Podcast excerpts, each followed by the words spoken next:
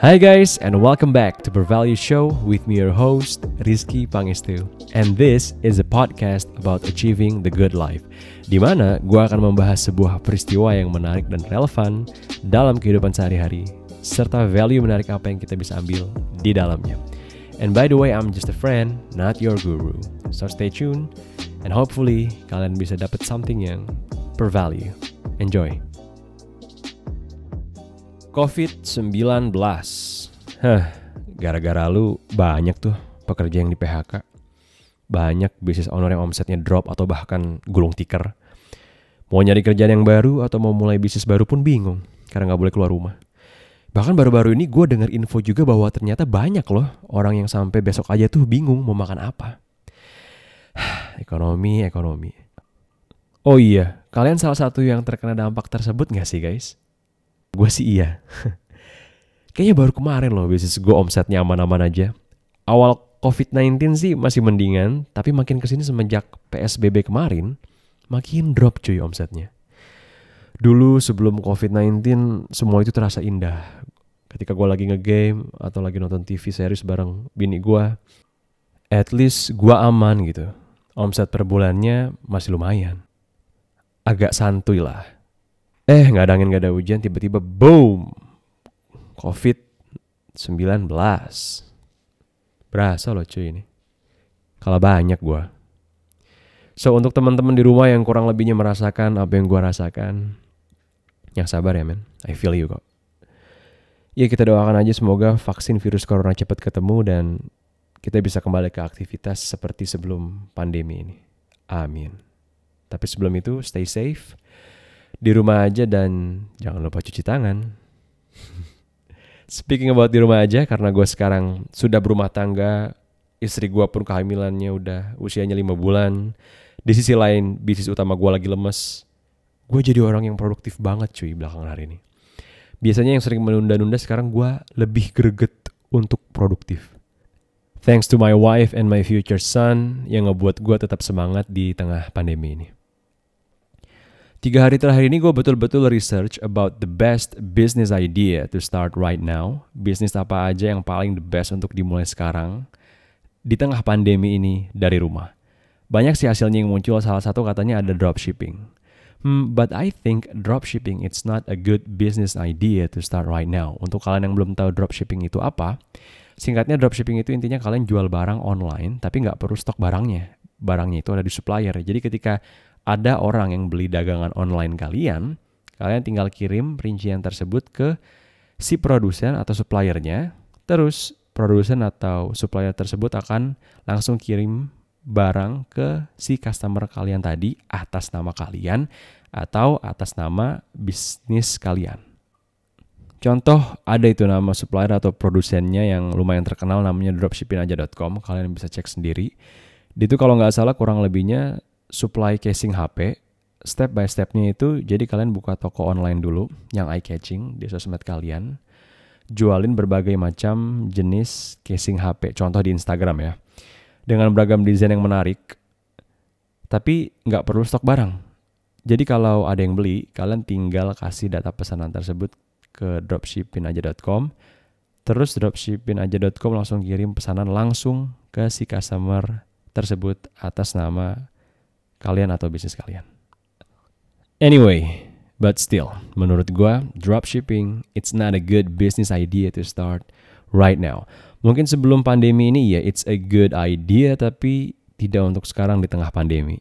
Orang lagi agak ngerem untuk belanja barang-barang yang sifatnya nggak penting-penting amat karena ekonomi lagi drop, orang jadi lebih mawas sama keuangan.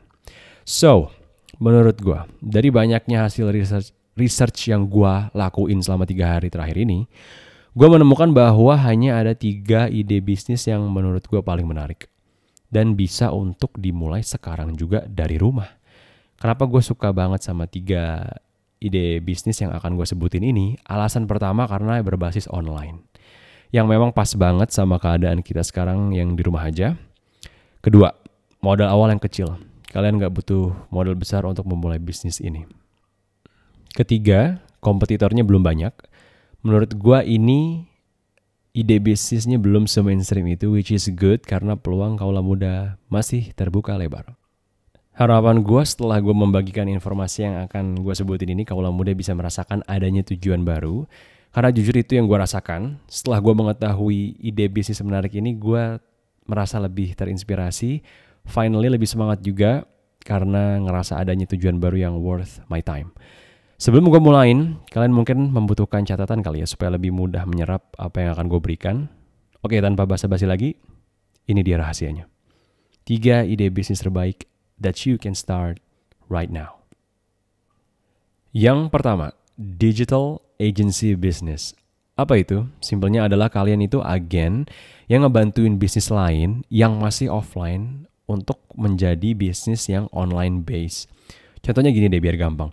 Contoh di dekat rumah gua itu ada om-om, anggap aja namanya Om Budi. Dia itu profesinya guru gitar. Umurnya udah lumayan tua, jadi bisa dibilang cukup gaptek dan gak pede ketika berurusan dengan yang namanya teknologi.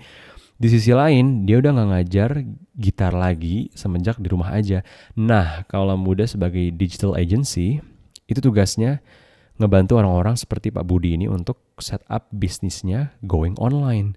Buatin dia website di mana Pak Budi bisa ngajar gitar online dalam format rekaman video. Terus video gitar lessons tersebut ditaruh atau diupload ke website yang kalian buatin tadi. Jadi orang-orang bisa berlangganan atau nge-purchase video gitar lessonsnya Pak Budi secara online. Kalian terus bisa aja tinggal suruh orang yang sebelumnya pernah belajar berlangganan belajar gitar dari Pak Budi secara offline untuk pergi ke website yang kalian buat tadi dan suruh melakukan transaksi pembayaran dari sana sehingga mereka bisa tetap belajar gitar dari rumah secara online dalam format video yang Pak Budi upload tadi.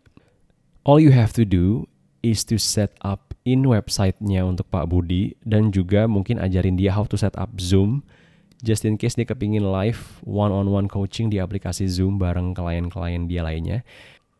Pak Budi menang, Anda pun senang. Karena dengan jasa digital agency yang kaulah muda berikan, itu kalian bisa aja ngecas biaya 5 juta misalnya. I know memang terdengar cukup mahal, tapi kalau offer tersebut diberikan kepada bisnis offline yang baru aja kehilangan bisnisnya di tengah pandemi, dengan harga segitu mungkin-mungkin aja loh. Kaulah muda, nggak perlu khawatir karena di zaman sekarang untuk buat website itu relatif tidak mahal dan mudah.